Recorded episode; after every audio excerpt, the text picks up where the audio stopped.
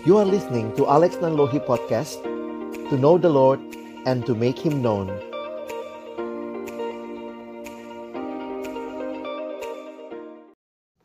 Tuhan tahu apa yang menjadi kebutuhan kita dan menarik sekali Tuhan bukan hanya tahu apa yang menjadi kebutuhan kita, tetapi Tuhan juga menjawab apa yang menjadi kebutuhan kita.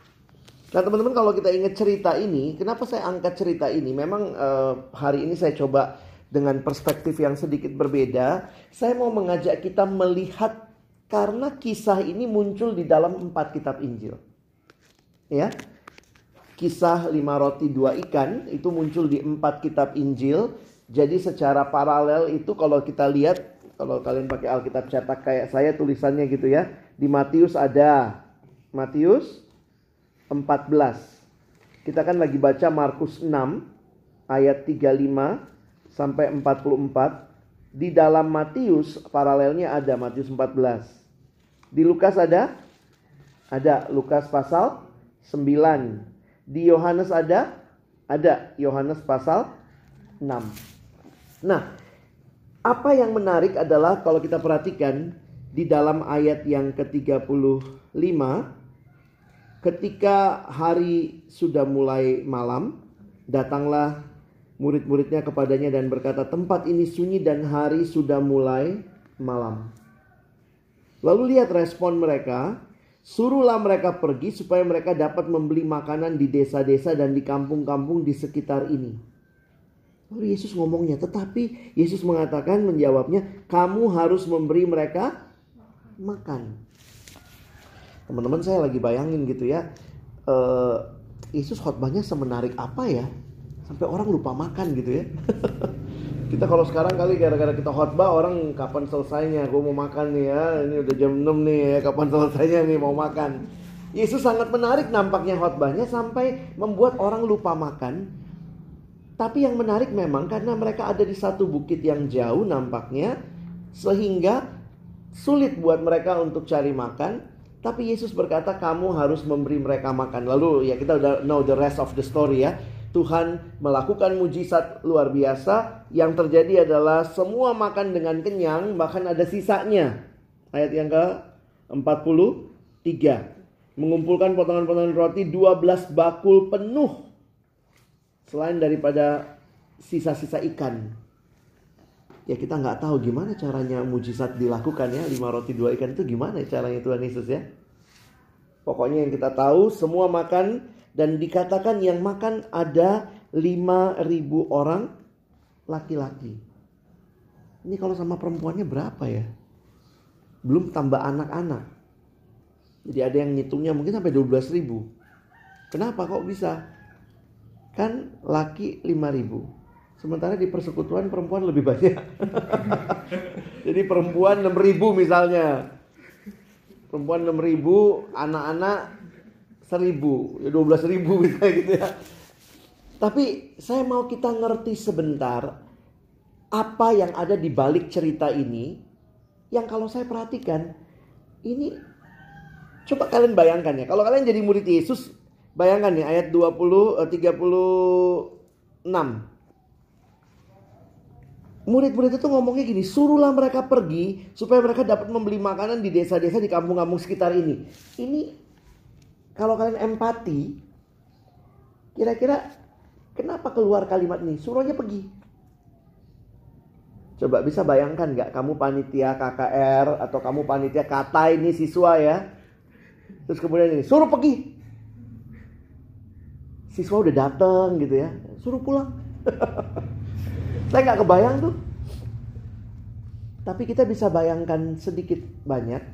Kira-kira respon seperti ini Orangnya lagi kenapa? Kok ngomongnya suruh pergi? Kri? Krisis apa? uang Ini uang nggak ada, harusnya gimana nih? Jadi suruh pergi gitu. Ada yang mau kasih penafsiran lain?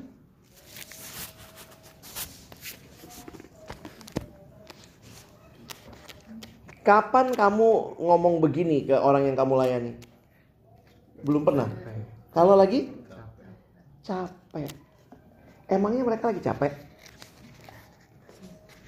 Coba lihat Markus 6 ayat yang ke saya pakai lampu aja ya. Mata nggak bisa dibohongin. Ayat 6b. Ada lampu lain? Nggak ada. Nggak apa-apa.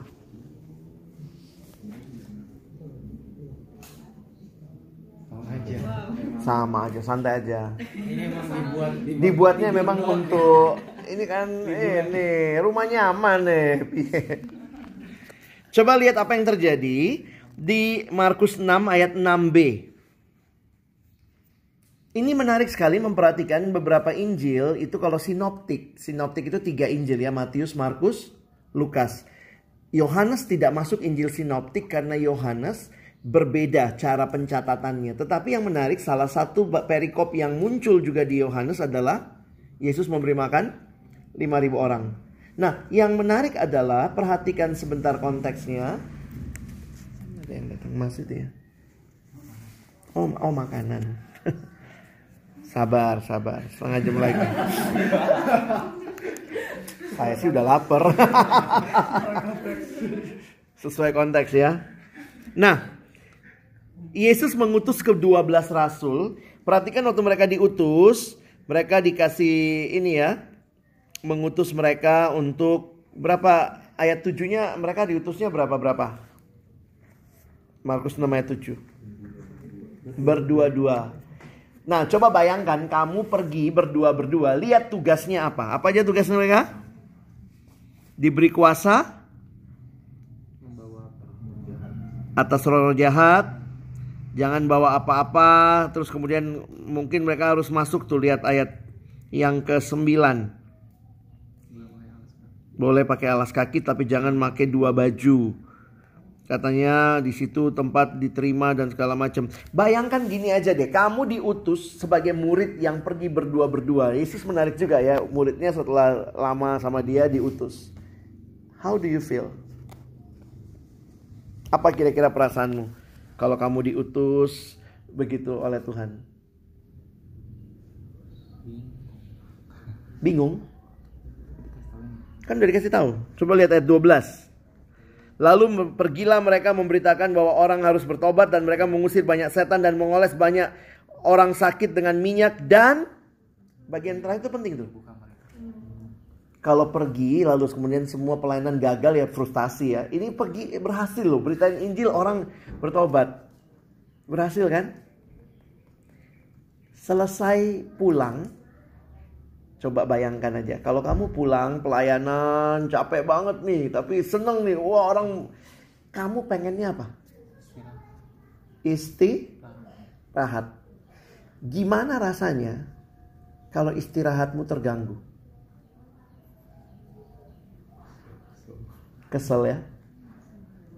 Nah itulah konteksnya. Coba lihat sebentar. Saya nggak tahu, saya nggak pilih-pilih perikop cocok-cocokin sama kondisi kalian nggak ya. Ini yang Tuhan kasih dalam persiapan saya. Coba lihat ayat 30. Malam, ya.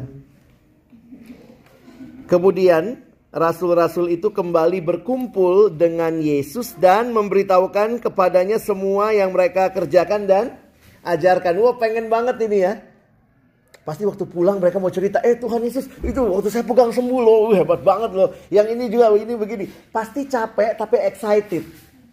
Nah Yesus ngerti banget kebutuhan mereka.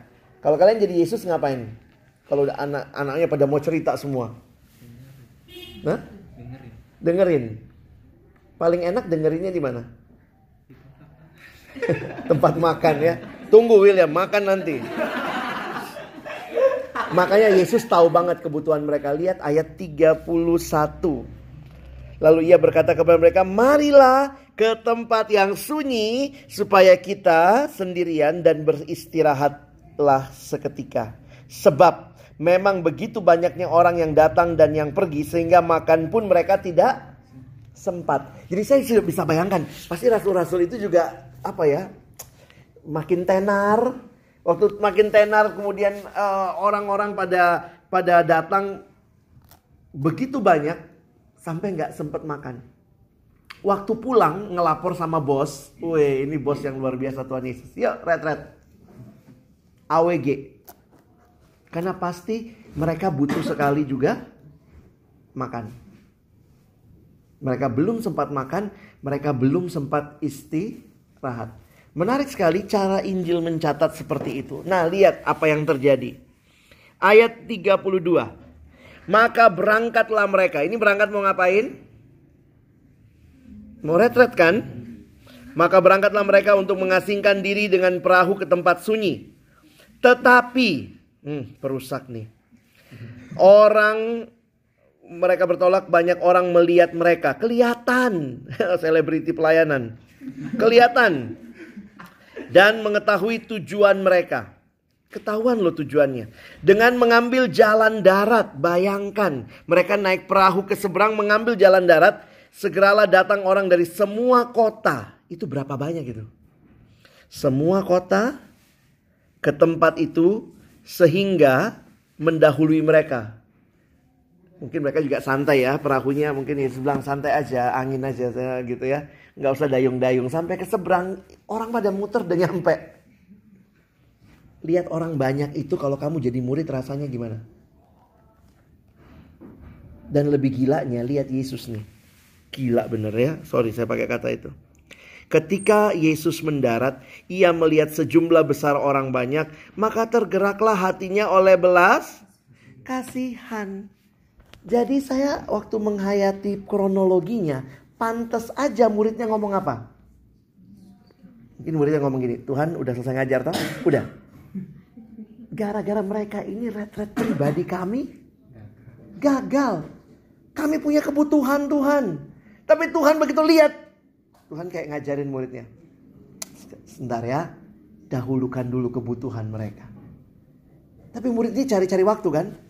Kalau kamu dijanjiin dulu kalau kita masih kecil orang tua janjiin nanti pulang dari rumah si om kita jalan ke sini. Terus kalau di rumah si om itu udah pulang, ayo pulang, ayo pulang.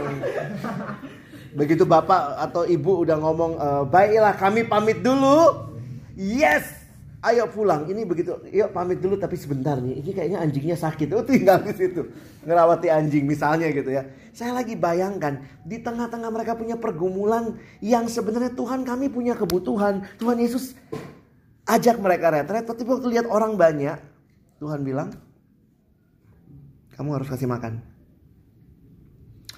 Teman-teman, saya coba menghayati begini loh. Uh, sering kali pelayanan ini tuntutannya tinggi banget ya.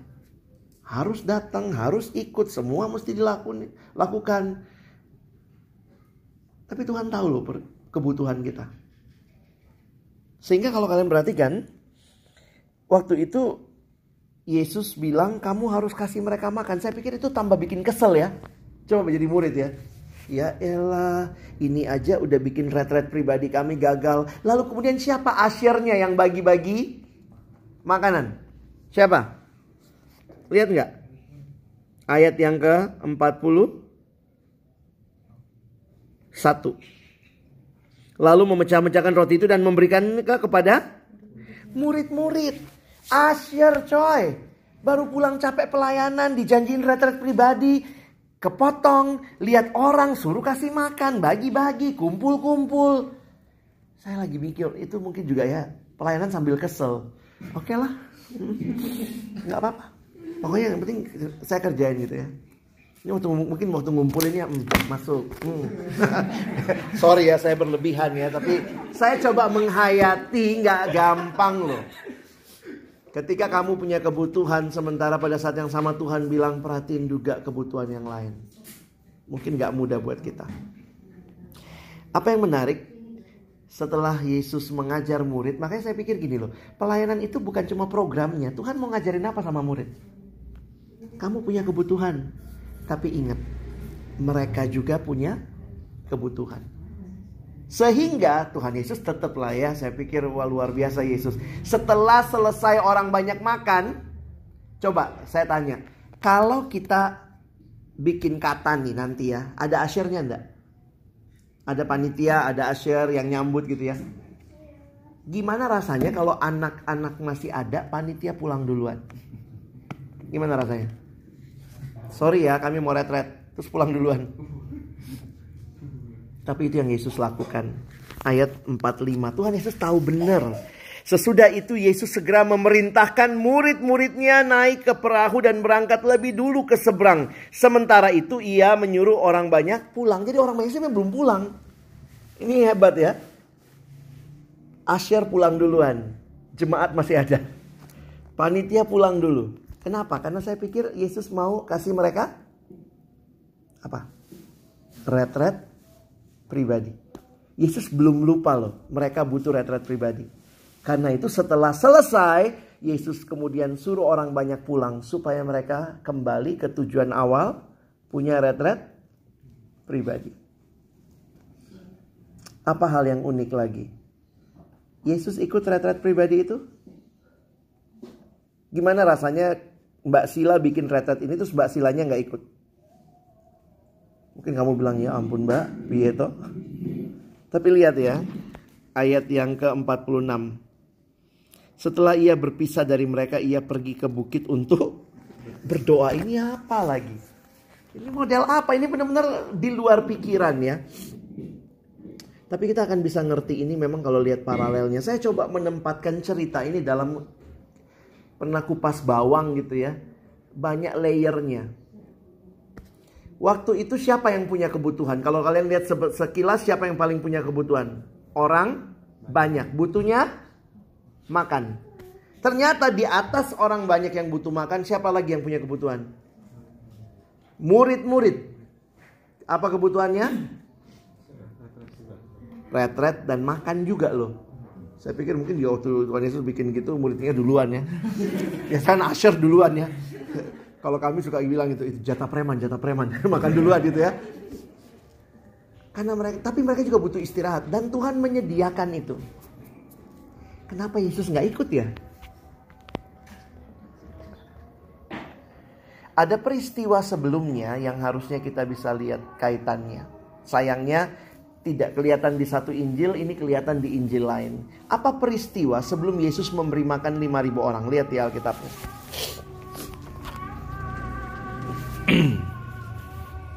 Apa perikop sebelum Yesus memberi makan 5000 orang? Apa? Di Markus 6? Yohanes Pembaptis dibunuh. Saya mau tanya sama kalian, siapa sih Yohanes Pembaptis? Apa hubungannya sama Yesus? Pernah membaptis Yesus. Ada hubungan lain? Dinubuatkan. Anaknya siapa Yohanes Pembaptis? Siapa nama bapaknya? Lukas 2. Sopo nama bapaknya? Sopo jenenge?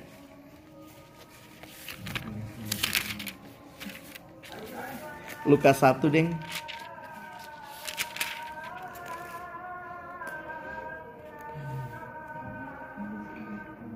Mm -hmm. Siapa nama bapaknya? Saka Ria. Siapa nama mamanya? Mm -hmm. Eli Sabet. Apa hubungannya Elizabeth sama Maria?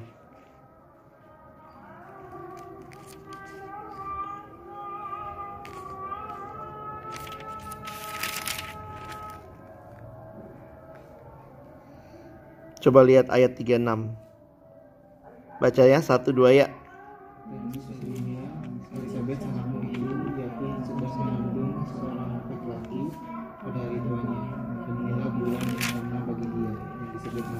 Apa hubungannya Elizabeth sama Maria?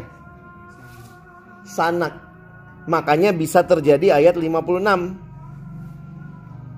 Berapa lama Maria tinggal? Kalau nggak kenalan masa tinggal sekitar lama sih?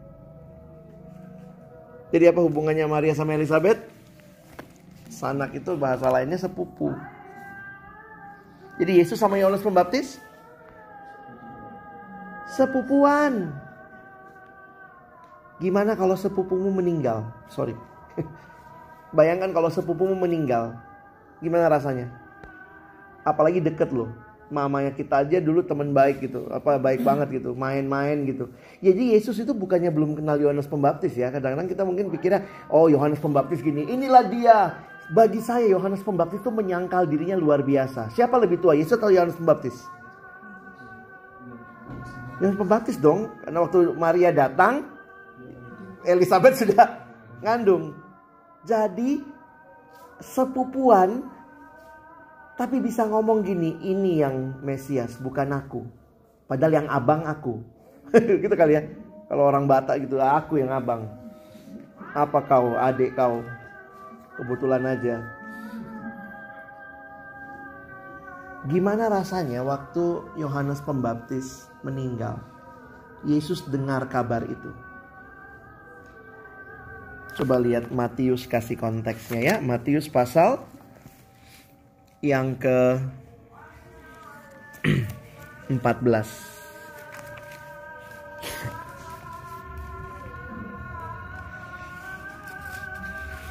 Akhir dari Matius 14 perikop pertama sama urutannya ya Yohanes Pembaptis dibunuh.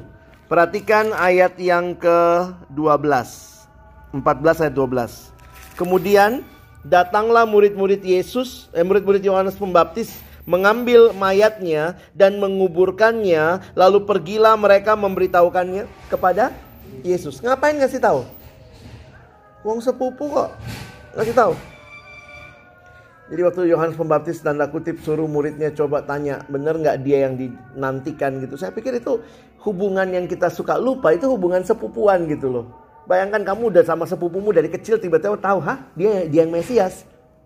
Beneran, Mungkin juga waktu masuk penjara dia mulai ragu, beneran gak sih sepupuku ini yang Mesias? Tapi di tengah keraguan itu yang menarik Yohanes Pembaptis suruh ngecek. Ketika Yohanes Pembaptis meninggal, perhatikan ayat yang ke-12. Setelah Yesus mendengar berita itu, menyingkirlah ia dari situ dan hendak mengasingkan diri dengan perahu ke tempat yang sunyi. Ngapain ke tempat sunyi? Ngapain kira-kira? Kalau ada sepupu meninggal, kamu deket banget sama dia, pergi ke tempat sunyi sendiri, ngapain? Ya, meratap, bersedih untuk pemulihan. Jadi kalau teman-teman bayangkan cerita ini, sebenarnya bagi saya sangat-sangat menarik. Yang pertama-tama punya kebutuhan sebenarnya siapa? Yesus. Yesus punya kebutuhan emosional, dia harus bergumul dengan duka cita yang dia alami dan pada waktu itu Nah, kalau di sini kan langsung orang banyak ya lihat ayat 14. Ketika Yesus men mendarat Oh ya, tetapi orang banyak mendengarnya dan mengikuti dia dengan mengambil jalan darat dari kota-kota mereka. Ketika Yesus mendarat, ia melihat orang banyak yang besar jumlahnya, maka tergeraklah hatinya oleh belas kasihan. Jadi kalau kita lihat lapisan cerita ini secara kronologis, nampaknya kita kalau baca sekilas seolah-olah cuma kebutuhan orang banyak yang butuh makan. Tapi di atas itu ada kebutuhan para rasul yang baru pulang pelayanan. Sukses sih, berhasil sih, tapi tetap capek. Butuh istirahat. Eh mereka disuruh layani ini. Tapi sebenarnya para rasul pun nampaknya menginterupsi retret pribadi Yesus.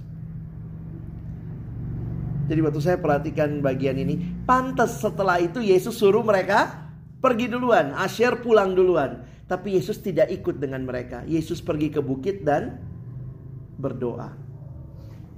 Waktu dengan Tuhan waktu memulihkan kerohanian yang down, yang mungkin lagi nggak bener relasinya, yang mungkin lagi emosional. Setiap kita punya kebutuhan, dan saya cuma mau ingatkan kita, di tengah pelayanan yang banyak sekalipun, ingatlah Tuhan pun sebenarnya care sama kebutuhan kebutuhan kita. Tuhan care sama kebutuhan emosionalmu, Tuhan care sama kebutuhan jasmanimu Makanya saya nggak akan lama lagi habis ini Saya juga mau makan Tuhan care sama kebutuhan spiritualitasmu Dan menarik sekali dalam semua bagian itu Yesus menunjukkan sikap yang sama tetap bergantung kepada Allah. Dia tidak pergi ke bukit lalu meraung-raung Yohanes, ah Yohanes, bukan gitu ya. Dia pergi ke bukit dan berdoa. Saya selama ini kalau baca Yesus naik ke bukit berdoa, saya pikir oh dia cuma berdoa tentang oh dia biasa berdoa, tapi saya pikir itu cara dia menghadapi pergumulan emosional kehilangan sepupu terdekat. Jadi saya hanya ingin menegaskan buat teman-teman ya, pelayanan nggak makin nggak makin nggak ada kerjaan, tetap sibuk gitu ya. Tapi ingat baik-baik, Tuhan juga mau. Ada waktu-waktunya mungkin kita mesti tarik diri sebentar atau bareng-bareng kayak begini untuk kembali menikmati Tuhan merecharge kita. Yang kurang tidur, yuk tidur itu kebutuhannya. Yang kurang makan, ayo makan. Yang mungkin pengen nangis, nangislah kepada Tuhan. Yang mungkin pengen curhat sama teman, curhatlah. Yang mungkin lagi mau cerita. Karena kita ini beda-beda kondisinya ya. Ada yang lagi senang, ada yang lagi sedih. Bayangkan kalau yang lagi senang cerita ke yang sedih, ya sebenarnya kan harusnya saling menghibur ya. Mungkin yang satu bilang, waduh adik kelompok kecilku berhasil semua, luar biasa. Saya pegang langsung sembuh misalnya ya. Yang satu bilang, hah? Gitu ya? Saya megang kok tambah sakit dia. Tapi ingat ya, eh, yang luar biasa adalah Tuhan kita tahu kebutuhan kita. Meskipun waktu dia datang ke dalam dunia, dia sendiri sedang punya kebutuhan. Tapi dia mendahulukan. Tapi mendahulukan bukan berarti tidak kemudian menyelesaikan apa yang menjadi pergumulan kita. Kadang-kadang ini yang saya bilang tadi ya. Saya kita kan nggak bisa ngatur ya mau kapan fresh rohaninya lagi pelayanan sementara jadwal udah penuh. Kalau lagi lemas Tuhan saya harus beritakan Tuhan baik padahal saya lagi ngalamin. Ih Tuhan kok gini amat? Saya lagi harus bicarain sukacita padahal saya sendiri lagi meratap. Tapi perikop ini menghibur saya. Sampaikan apa yang memang harus kita sampaikan karena firman Tuhan adalah firman Tuhan.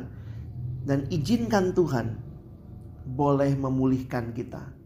Memberikan kebutuhan-kebutuhan kita secara pribadi. Satu waktu saya baca satu buku rohani, bagus juga bukunya ya. Buku itu bilang gini, kalau saudara saat ini sedang sangat letih, maka tutuplah buku ini dan tidur. Wih, jarang-jarang tuh ada buku yang bilang tidur gitu ya. Kita kan kalau lagi baca buku rohani gitu dan dia bilang saya serius mengatakannya. Tutuplah buku ini dan tidur. Saya ikutin, saya tutup tidur saya. Kenapa? Karena saya butuh tidur. Ya, saya nggak tahu nih kebutuhan teman-teman apa, tapi kiranya beberapa hari, eh beberapa hari, dua hari ya di tempat ini Tuhan memuaskan kita dengan semua makanan, minuman, mau minum di bathtub silahkan. yang punya pergumulan pribadi Mbak Sila bilang bisa ke atas kalau mau AWG kamu butuh cerita butuh didoakan datengin. Kamu ada relasi-relasi yang rusak datengin orangnya. Minta waktu berdua bersama doakan saling membangun lagi relasi. Tapi sebenarnya yang menarik adalah apa? Semua itu Tuhan pulihkan. Demi apa?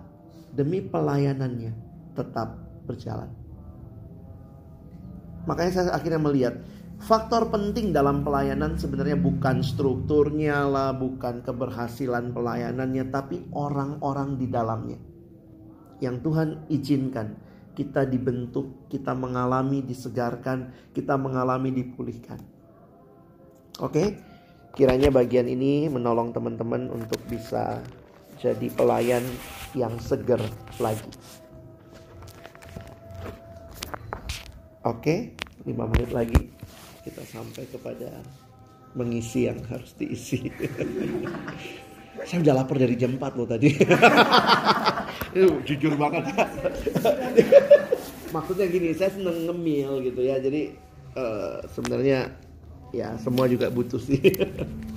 kita doa sama-sama. Um, saya aja kita nyanyi satu lagu. Ada minta dicemas. Bapa surgawi ajarku mengenal betapa dalamnya. Ketinggian nggak di C? Kamunya turunan Al. lagu ini uh, lagu ini menolong lagu ini menolong saya menghayati waktu kalimat kalimatnya bilang gini ya semua yang terjadi di dalam hidupku ajarku menyadari kau selalu sertaku jadi nggak gampang ada pergumulan naik turun tapi mari serahkan diri kepada Tuhan ya Mari yakini kebaikan Allah. Kita katakan Bapa Surgawi ajarku mengenal. Bapa Surgawi ajarku mengenal betapa dalamnya kasih. Bapa Surgawi buatku mengerti betapa kasihmu. Kasihmu padaku.